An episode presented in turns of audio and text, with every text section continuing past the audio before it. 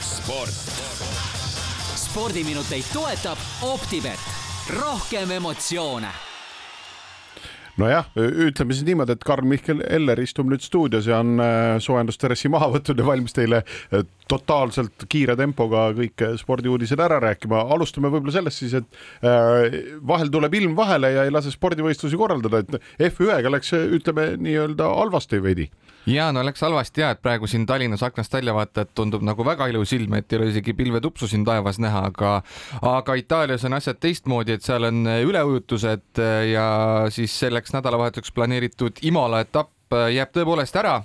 Ja küsimus on siis see, et noh, mis siis sellest etapist saab, sest et F1 on teadupärast ikkagi väga pingeliseks oma kalendri ajanud, et see aasta oli plaanis kakskümmend kolm, nii-öelda kahekümne kolmel nädalavahetusel kihutada ja noh, nüüd, kui see etapp jääb ära, et siis kindlasti mõni vormelifänn valab krokodillipisaraid, sest et niigi oli juba paus vahepeal, et nüüd on vaba nädalavahetus ootamatult tulnud, ainult ilm on ilus, saab aiatöid ette võtta nüüd selle asemel, kes räägime Eesti fännidest. aga kohe järgmine nädal toimub Monaco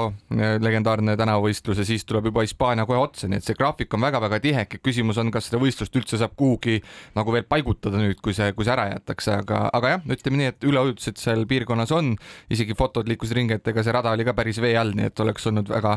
ütleme südametu sinna kutsuda veel kaheksakümmend tuhat pealtvaatajat koha peale ja jätta nad nii-öelda siis looduse rüppe. no rehvi valik oleks olnud huvitav, onju. jah, jah, põhimõtteliselt, et päramootoriga paadid ilmselt. või oleks pidanud ka nii-öelda lainete kohal liuglema hakkama, mis viibki meid järgmise, järgmise spordiala juurde lohesurfist räägime. jah, et lohesurf võib-olla inimesed rohkem on äh, Eestis harjunud ju randades nägema, eks ta mhm. mere, meresport ta nii-öelda ongi, et tuult need mehed püüavad ja purjega siis lainelauaga. noh, üldjuhul nad teevad selliseid äh, noh, mõnesekundiliseid hüppeid ja teevad trikke, aga sihuke mees nagu Kaimar Halliste sel nädalal Lõuna-Prantsusmaal sai hakkama maailmarekordiga, sest et tõusis siis lainete kohale tervelt kahekümne neljaks koma kolmeks sekundiks ehk et liugles mööda, mööda siis äh, Vahemerd ringi, kui nii saab öelda selle kohta, et siin Andres, ma saan aru, sina vaatasid ka seda videot, et tundus ikkagi päris, päris vinge ettevõtmine. see oli jah, no peaaegu nagu tundus, et esimene asi, kui kõrgele ta üldse läks nagu see, et nagu mingi ligi kolmkümmend meetrit või mis seal oli, et see oli nagu uhke, et vahepeal hakkas nagu ära tulema ja siis jälle leidis nagu tuule üles ja mulle meeldis see, et sa enne rääkisid ka, et selle video ja see, et see video üldse nagu tekkis, see oli ka ju puhas juhus. ja et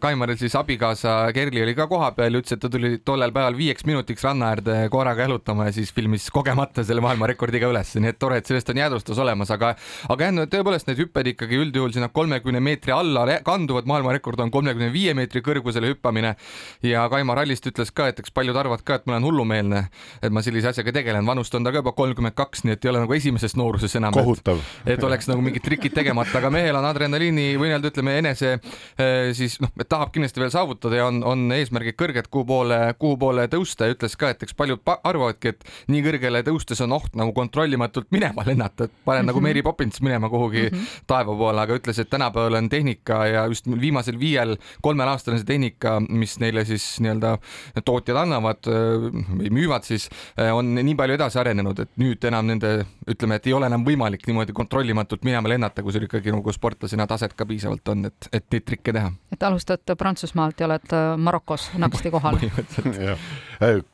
kohe nüüd noh, algas, mis kohe, algas ikka Eesti meistrivõistluste eh, finaalseeria mängu korvpallis ja, ja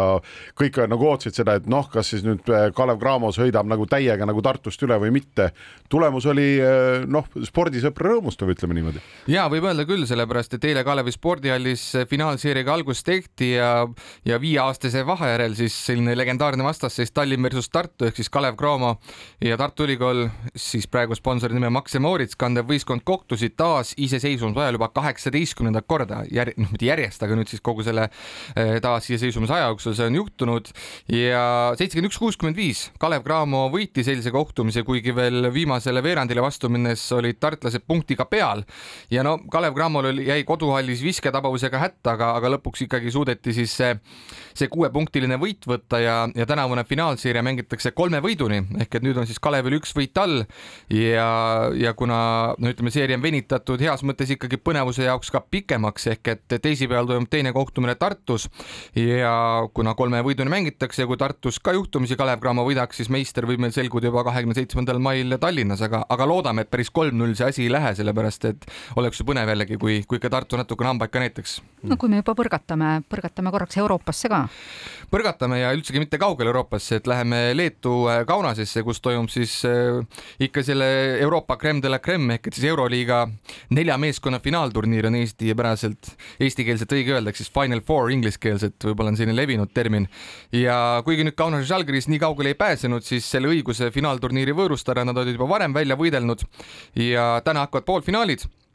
ja ilmselt selgitavad äh, siis äh, pühapäeval toimus finaalis karikavõitja Pireus Olümpiakos, äh, Pireuse Olümpiakos ja Hispaaniast Barcelona. no selle ma nüüd võib-olla hõikasin etteruttavalt välja, aga koefitsiendid Optibetis igal juhul seda näitavad, sellepärast et Olümpiakose vastane tänases poolfinaalis on AS Monaco ja seal on koefitsiendid Olümpiakosel üks koma nelikümmend viis, Monacol kaks koma seitsekümmend viis ja teises ikkagi sellises igipõlises vastasseisus kaks Hispaania klubi, Katalooniast Barcelona ja siis Madridis Madridist Real ja seal on Barcelona koefitsient üks koma viis ja Realil kaks koma kuus, nii et eh, see, et me näeksime pühapäeval just nimelt Barcelonat ja olümpiakast vastamisi, ei oleks väga üllatav, aga ma tean, et kindlasti juba ka kümned, kui mitte sajad Eesti fännid on sinna Kaunase poole teele läinud ja nendele mängudele kindlasti eh, oma nii-öelda hea, hea sellise röökiva häälega kaasa elavad. vutis ka? jah ja sest eh, noh, mis seal salata, eh, see, et jõuab nagu eh, meistrite liiga finaali Manchester City, noh, seda on oodatud ja seda arvati, et nad jõuavad, aga noh, teine nende vastane Milano Inter üsna üle üsna pika aja on jõudnud finaali. ja on küll ja öeldud ka, et natuke nagu tuhast tõusnud on see võistkond, et, et nad on siin nii-öelda kümmekonna rohkem aasta eest olnud ikkagi Euroopa sellises tipus, aga nüüd kümnendal juunil finaalis äh, mängitakse Istanbulis ja seal tõepoolest Manchester City ja Milano Inter lähevad vastamisi. Ja poolfinaalis siis Cityl tuli alistada Madridi Real. Ja kui siin äh, esimene mäng äh, lõppes neil nädala eest viigiga üks-üks, seda siis Madridis, siis arvati ka, et no tuleb tasavägine mäng, aga aga eks City ikkagi kodus põrmustas Reali ja võitis neid seal neli-null. et siin enne seda kordusmängu ka ikka üritati sellist asiotaaži hoida, et no see tuleb põnev ja see tuleb üks läbi aegade vingem, eks ta tasemelt oligi väga kõrge, aga lihtsalt City on nii mäekõrguselt praegu üle, et väga raske on näha, kuidas Milano Inter, kes siis alistas kahe mängu kokkuvõttes linnarivaal AC Milani kolm-null poolfinaalseerias, võiks seal kümnendal juunil toimuvas finaalis Cityle vastu saada, aga, aga nagu öeldud, kümnes juuni, sinna on kolm nädalat aega, nii et võib kõike veel juhtuda. jah, üsna, jah palun, palun. jäähoki juurde jäin mõtlema, põhjanaabrid, lõunanaabrid, mõlemad ju võõrustavad MM-i, kuidas nüüd asjad arenenud on vahepeal? no jäähokis on selles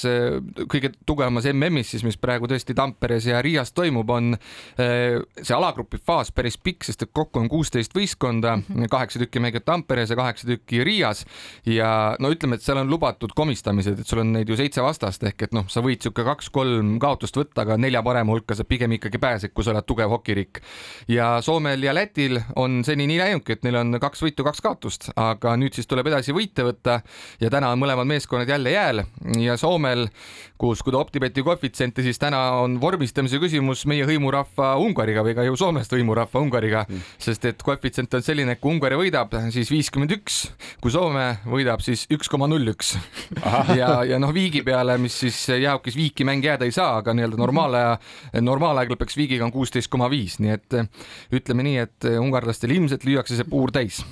ja teine mäng on siis Läti ja Sloveenia, seal on natukene tasavägisem, kuigi kas eh, meie lõunanaabrid on favoriidid, Läti koefitsiendid Optibeti portaalis on üks koma nelikümmend kaheksa, Sloveenial viis koma kakskümmend viis ja viigi peale on viis koma null kui oleks riskialdis, siis mina panustaks täna Ungarile. no vaatame. -hmm. aitäh sulle, Karl-Mihkel Eller, tulid stuudiosse, spordiminutid olid need ja kaheksa nelikümmend kaheksa on saanud kell. sport. spordiminuteid toetab Optibet, rohkem emotsioone